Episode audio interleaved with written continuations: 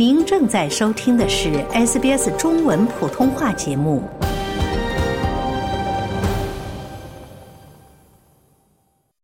从法律角度看待社会现象，以专家意见指点生活迷津。请听现场说法。现场说法，您了解法律、咨询问题的空间。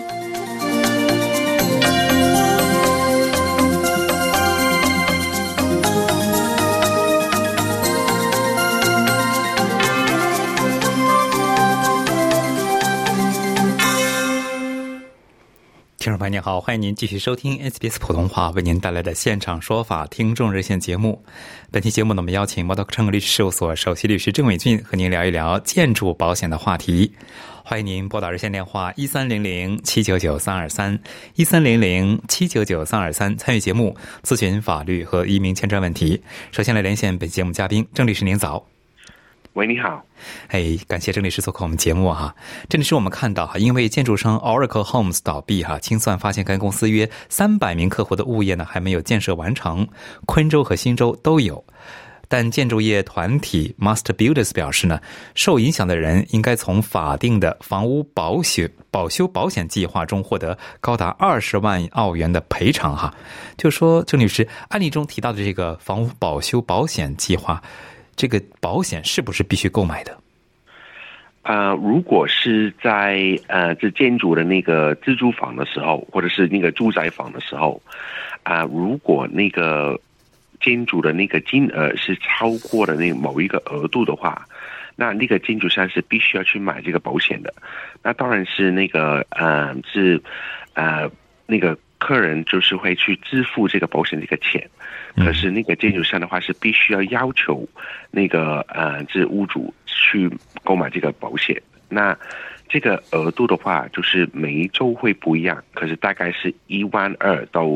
一万九左右，就是每一周大概是不一样。可是如果那个建筑价格的话是超过这个一万多的那个额度的话，那这个建筑商是必须要提供跟那个屋主是必须要去购买这个保险的。嗯，就是说，这个保险是不是我们平时说的这个叫承建商保修保险，叫 Builders Warranty Insurance，是跟这个一样吗？啊，这个是啊，这类对类似，有些叫 Builders Warranty Insurance，有些叫 Home Warranty Insurance。啊，那这个保险的话，主要是会保修两个情况。啊，第一个情况的话，就是如果那个建筑商建完这个房子之后。啊，可是有一些瑕疵，或者是啊，有一些地方还没完成的地方的话，那如果那个建筑商是呃，因为各种因素不能去啊回来去维修或者是去纠正这个瑕疵的话，这个保险就是可以去 claim 来去去做这个维修这个部分啊，或者是说，如果啊那个建筑商。呃，开始建筑了，这中途中他们因为各种理由，比如说清算或者是别的原因，是未能去完成这个建筑物的那个项目的话，那这个保险的话也是可以去啊，这申请去把剩下的那个活把它去完成的。嗯，就说案例中哈，有些客户的房子是还没有开工建设呢，就是说，嗯，这种情况下，这个客户他可以终止合同拿回这个押金吗？啊，如果啊签了合同付了押金，可是对方那边是还没完成的话，是可以以那个违约的那个方式的。哦，可是因为你去支付那个定金的时候，支付定金给那个监呃这那个开发商，不是放进去一个信托账户里面的，呃，所以就是这个钱的话，如果那个建筑商是清算的话。啊，就是看清算这个建筑公司有没有这个钱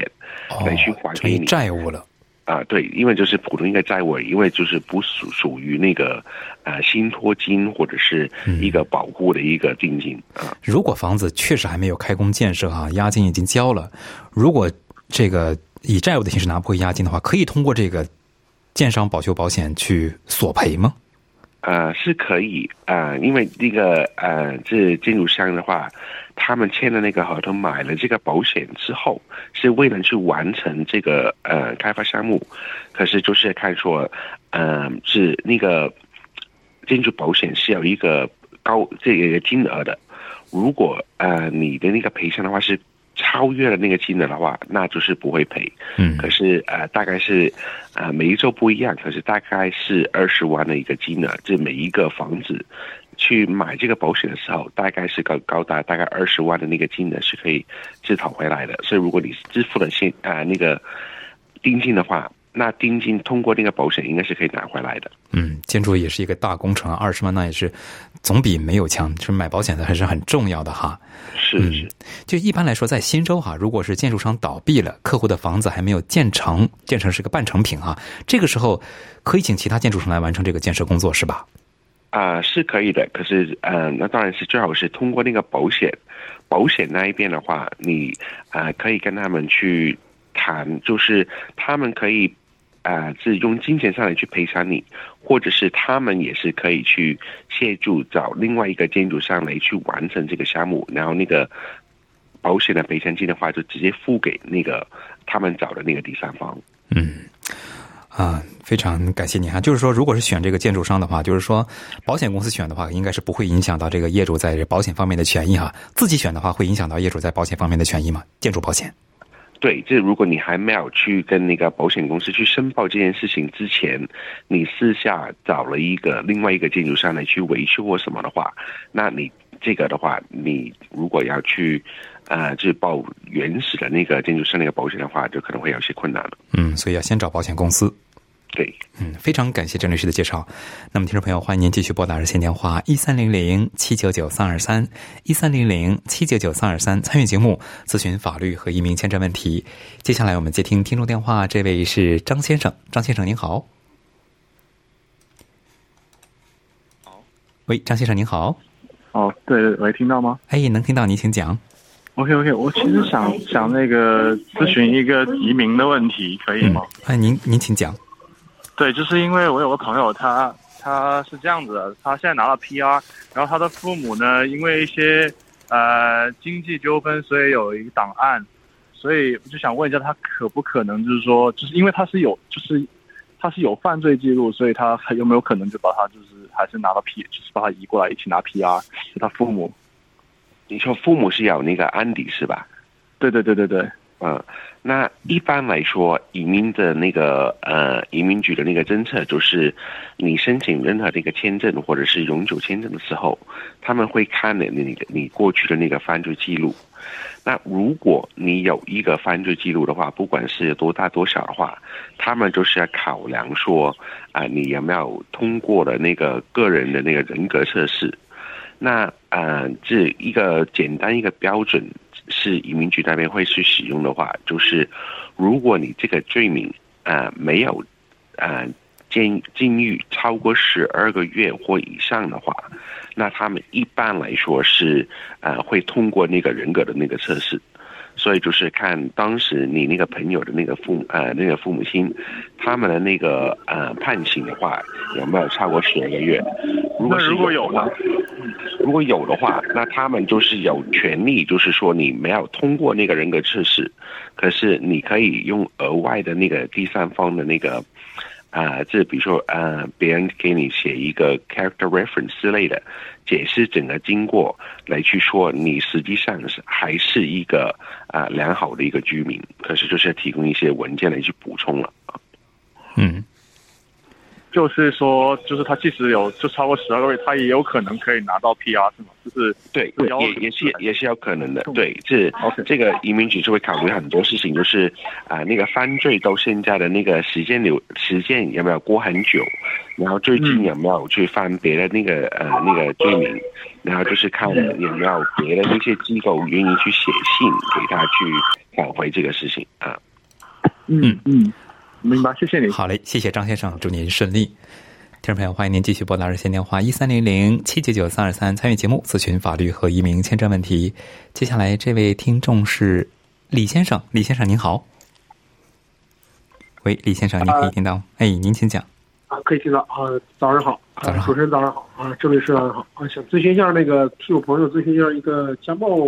嗯有关的官司，嗯，呃，就是我朋友是这样的，就是他和他嗯前妻这误会太深，然后产生了很多的这个矛盾，然后现在这个家暴官司是到这个程度，就是其实嗯，我朋友没有做过，但是他的律师告诉他，如果成就是认罪的话，可能会就是最后会比较轻，就是认罪的话会可能没有这个 conviction 的 record，但是会有这个 conditional conditional release order。然后现在我想替他问一下这个。第一就是，如果有这个 conditional release order，然后没有 conviction，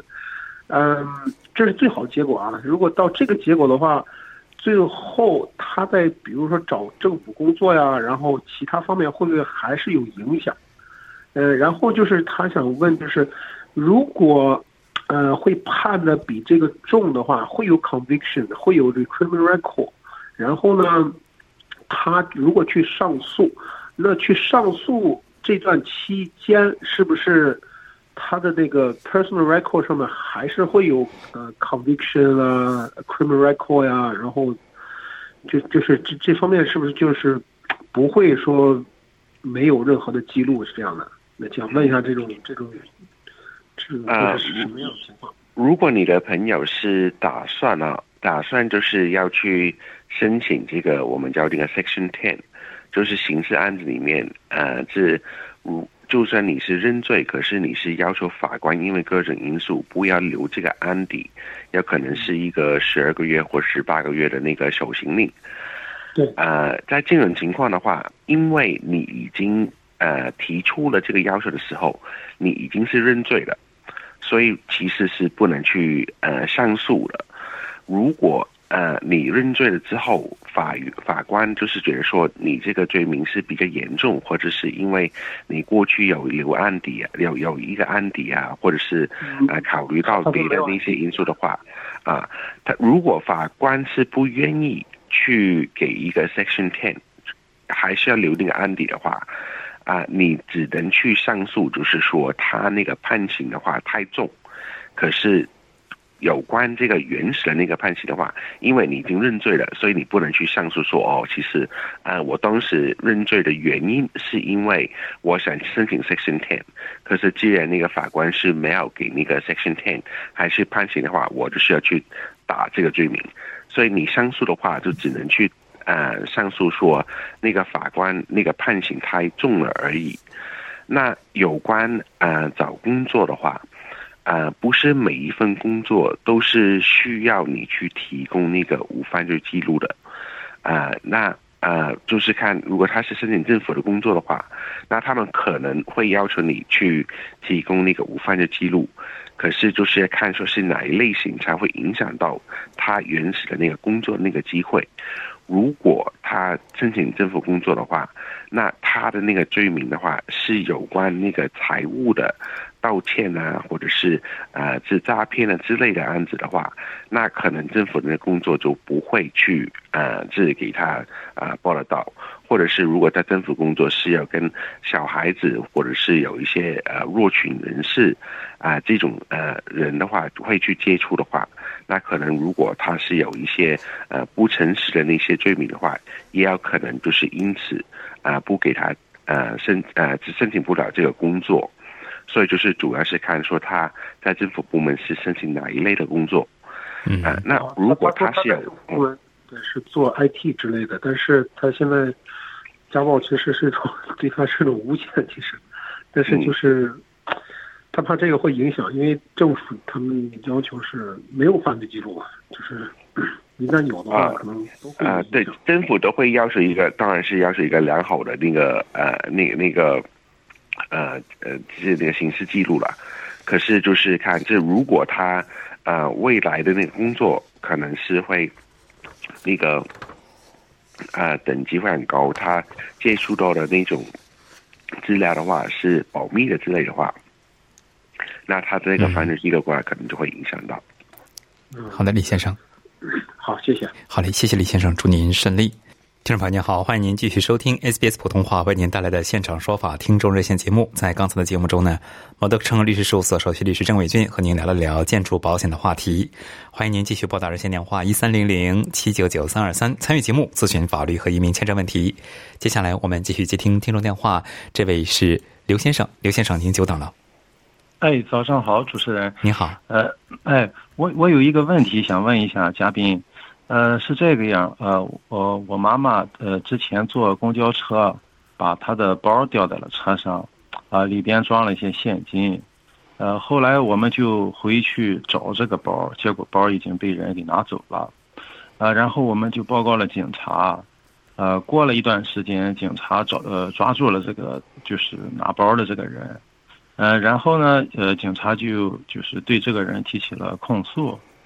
呃，后来呃，他们就这个人就是在那个呃法庭上承认了这个包是他拿走的，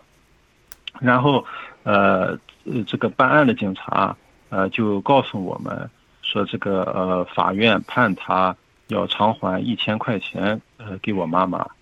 呃，但是呢呃。这这这后来，自从判决到现在，差不多有半年的时间了，呃，我们也没有任何的这种呃收到进一步的这个 update，然后我们就想问一下，呃，我们现在应该怎么样去追讨这这个钱呢？啊，如如果法院那个时候就通过那个刑事案子是要判说那个对方是需要去支付一个一千块的一个赔偿给你母亲的话。那如果呃你没有收到的话，一般那种判决的话是二十八天。如果已经过了二十八天，可是你没有收到这个赔偿金的话，那你是可以去联系当时的那个警察，或者是直接联系那个法院，就是说那个被告就是还没有去支付这笔钱，然后就是一般就是让警方那边去帮你去追索这这个钱。如果是真的是呃警方那边也。不愿意去协助，或者是那个被告是没有这个钱去支付的话，那你可能要通过自己的律师，通过民事的这个呃渠道来去把那个钱讨回来。哦，是这个样子啊。对。呃，嗯，如果说嗯，那个就是说，我们可不可以要一份那个判决书呢？因为现在就是呃，就是说这个结果判决结果只是这个警察。他口头上告诉我们的，呃，所以我们也没有任何的这种，嗯，就是说文字上面的东西，我们也不知道该去，就是说这个被告，呃，任何的这些联系方式呀，什么都没有，我们嗯，就是说去追索也没法追索。啊，了解。所以对，如果是这样的情况的话，你需要通过警方那边去拿一个一份那个法院的那个判决书，因为你自己去法院的话是拿不到的，所以就是你必须要通过警方那边去拿一份，然后你就可以去执行。哦哦，就是换句话说，呃，那警方这边有义务给我们提供一个这个判决书，对吗？对，因为那个判决书要影响到你们，或者是你呃，这你可以通过那个判决书得取到利益，所以那个警方那边是需要提供一份判决书给你的。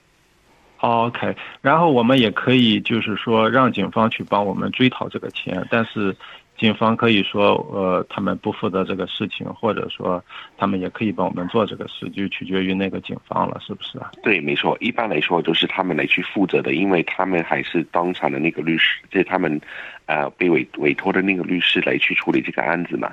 所以，如果是违反了那个判决的话，嗯，应该还是警方那边通过他们的律师去负责的。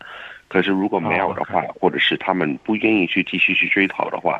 你导致这个判决是自己去要要呃需要去请律师去执行这个判决的。嗯，OK，我明白了。好嘞，您说的这个在维州也是适用的，对不对？对对，一样的，一样的，对。嗯，好嘞，好嘞，谢谢刘先生，祝您顺利。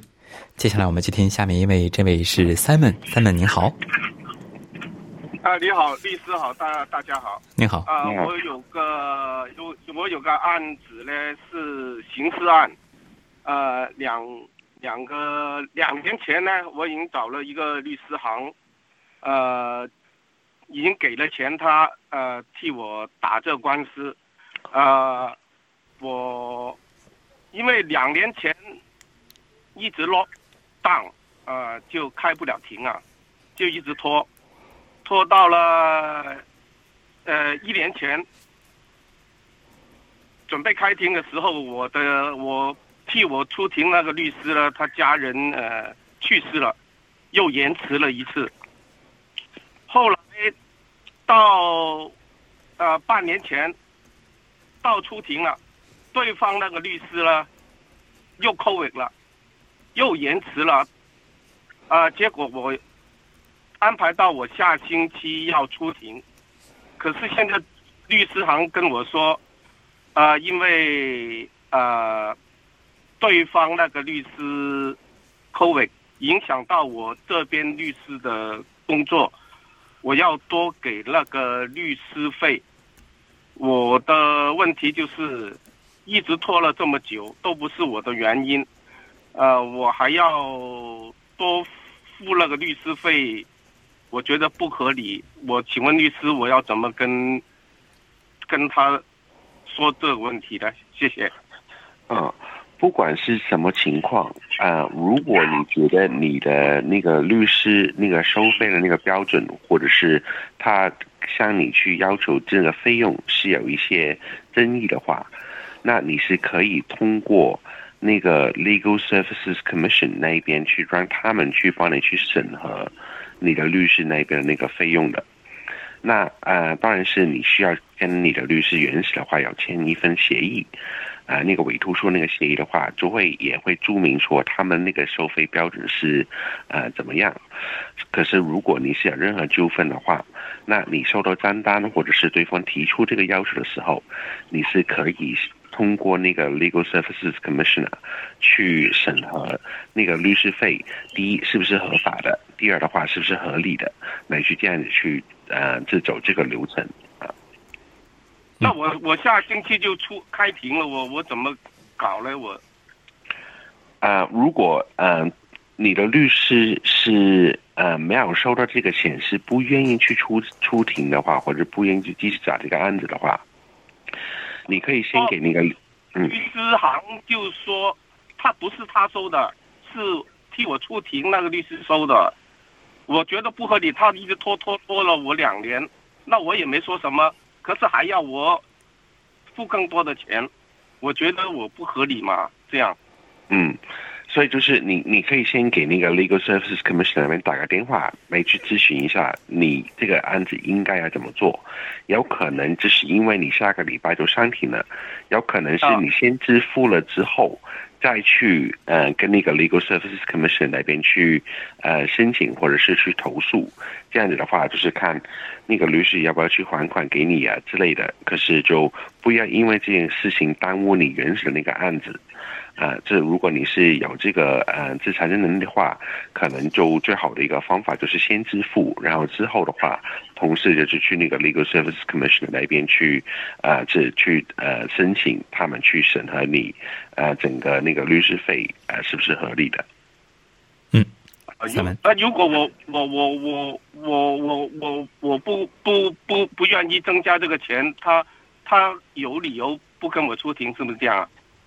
呃，可以这么说，因为这比如说他们是委托了一个大律师上庭的话，那呃，这他们是有权利说，你如果不预付那个大律师的那个费用的话，他们就不愿意出庭啊。哦，就是我两年前都给了，给全部给了他了，我。对，就是所以就是看你那个委托书了啊。嗯。哦，律师建议供您参考。好好好好，谢谢。好嘞，好嘞，谢谢 Simon，祝您顺利。接下来继续接听听众电话，这位是 Kathy，Kathy 您好。哎，你好，那个律师好，我想咨询一下，那个比如说有一个朋友要想想向我借款去，他要买房子，那么这种借款条怎样写才算有法律效力呢？比如说双方签字。加手印儿，还是要一个见证人，还是什么样子的？呃，如果是按借款的话，这实际上口头协议的话也是有法律效力的。可是如果你是未来要去法院那边去执行的话，那可能就因为是口头协议，可能就会有一些困难。所以最好的话，当然就是双方要签一份文件啊，来去确认你借款的那个条件。啊，那啊，这你单独是呃，单凭是去签这份协议的话，也是有法律效力的。可是，当然是我会建议了，就是啊，有呃，这签字的时候有第三方的那个见证人来去确认说，对方借钱跟签这个协议的时候是自愿的，而且是他本人是要签这个协议的。哦，如果说，比如说啊，就比如朋友之间，我可以找一个见证人。那么，如果比如说我想把这个钱借给我的孩子，呃，他就说，因为他也有家庭，到时候比如说，呃，我说特别特别极端的情况，比如说他要离婚啊，或者什么的，这种借款条算不算他的债务啊？啊，算的，可啊，可是必须是有一个签署好的一个协议，因为如果是父母亲是汇款给子女的话，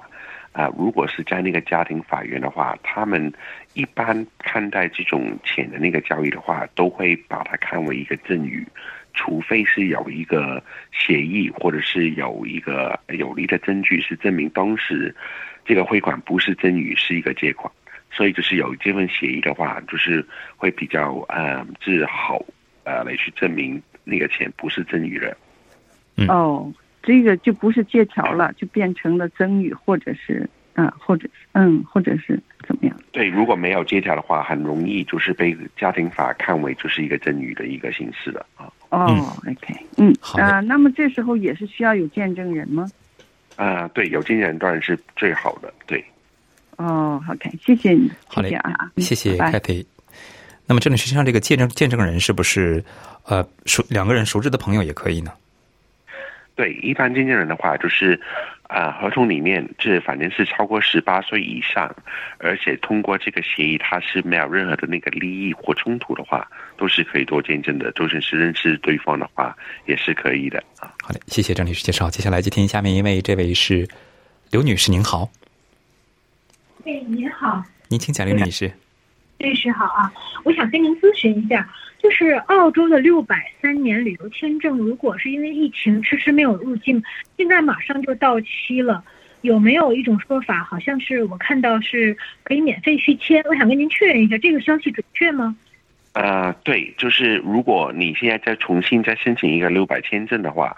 他呃，这那个申请的那个流程，他有问到说，你之前是不是要持有一个六百签证？可是因为疫情的关系，所以就是被受到影响了。如果你那一项是呃只说有的话，那你解释一下为什么之前你拿的那个六百签证为什么被疫情影响？比如说你入不了境啊，或者是出不了国之类的话。那你是可以申请这第二次申请那个六百签证的话，是豁免那个申请费的。太好了，这个没有实现。比如说我过几天就到期了，必须在到期之前申请，还是说无所谓的？啊，这个是无所谓的，对。哦，那太好了，非常感谢。嗯，没事没事。好嘞，谢谢刘女士的咨询，谢谢郑女士的介绍。接下来这位是，嗯，是张女士吗？哎，你好。你好。你好，你好。我我想咨询律师啊。我因为，我我在三球火车站那个，呃，里面啊，人家呕吐物，我我滑了一跤，滑了一跤，就是有没有嗯可以索赔啊？这个？啊，不好意思，你你是怎么样去受伤的？我来解释一下，就是张女士在三车火车站被三车火车站里面的一个呕吐物滑倒了，对吧？哎，对对，我。我走走路的时候，呃，滑倒了，滑倒了，头撞在墙上，嗯嗯，然后我也去看医生了，就是脑子没问题，但是有，呃，就头上有出血，出啊，嗯，不是外出血，内出血，啊，是这样，然后，呃，就是摔的手臂痛、背痛这样。可不可以？呃，是不是可以找律师这样？呃，是可以去找律师去咨询一下。如果你是在公共场所的时候，是因为这环境的因素而受伤的话，那呃，你是可以看看能不能去向那个业主去索赔的。呃，这每一个公共场所的话，基本上都会有一个呃第三保险。啊，那那个保险的那个赔额的话，就是看当时。呃，这是不是因为，比如说，呃，底下地上有一些水，他们没有清洁啊，或者是有一个特别滑的地方，或者是是呃各种因素导致你受伤？那如果那个地方是呃安全的，可是因为呃你自己个人的一个原因而受伤的话，那可能那个保险就不会去赔偿。哦，可是你可以咨询一个律师去对。把整个经过跟他说一。我找了几个律师，他们都不做这个，有有没有这种律师了？呃，有这对这种第三方被赔偿的律师是一种比较特殊的律师了，有些律师是不做的。所以，如果你是找不到的话，你可以去你这当地的那个啊 law society，就是律师协会，跟他讲说，啊，你是找怎么样的一个律师？然后，如果是要语言或地区的要求的话，嗯，哦，他们也是可以给你的。协会我也不知道在哪里，我满大街找律师，没人，啊他们都不做这个。您是在新州吗？还是维州？哎，就是悉尼呀。啊，是你对，所以你打电话给那个呃 Law Society 这边，然后他们这边的话，就是可以给你去介绍。郑律师，你有这个 Law Society 的电话吗？哎，有没有啊？电话，对对对对，呃，是不是你也做的？啊，这种是这种，我其实我们也也没有在做，对，啊，这你可以打电话去零二九九二六零三零零，这九九二六二六。二三六啊，就是零二九九二六零三零零，对，好嘞。零二九九二六零三零零零零，好嘞。由于时间关系，不得不打断两位了。那么，听众朋友因个人情况因人而异，法律问题复杂，本节目仅供一般性参考，并无意提供任何个案法律建议。了解澳洲，融入澳洲，欢迎登录 sbs 点 com 点 au 前斜杠 language 前斜杠 mandarin，获取更多澳大利亚新闻和资讯。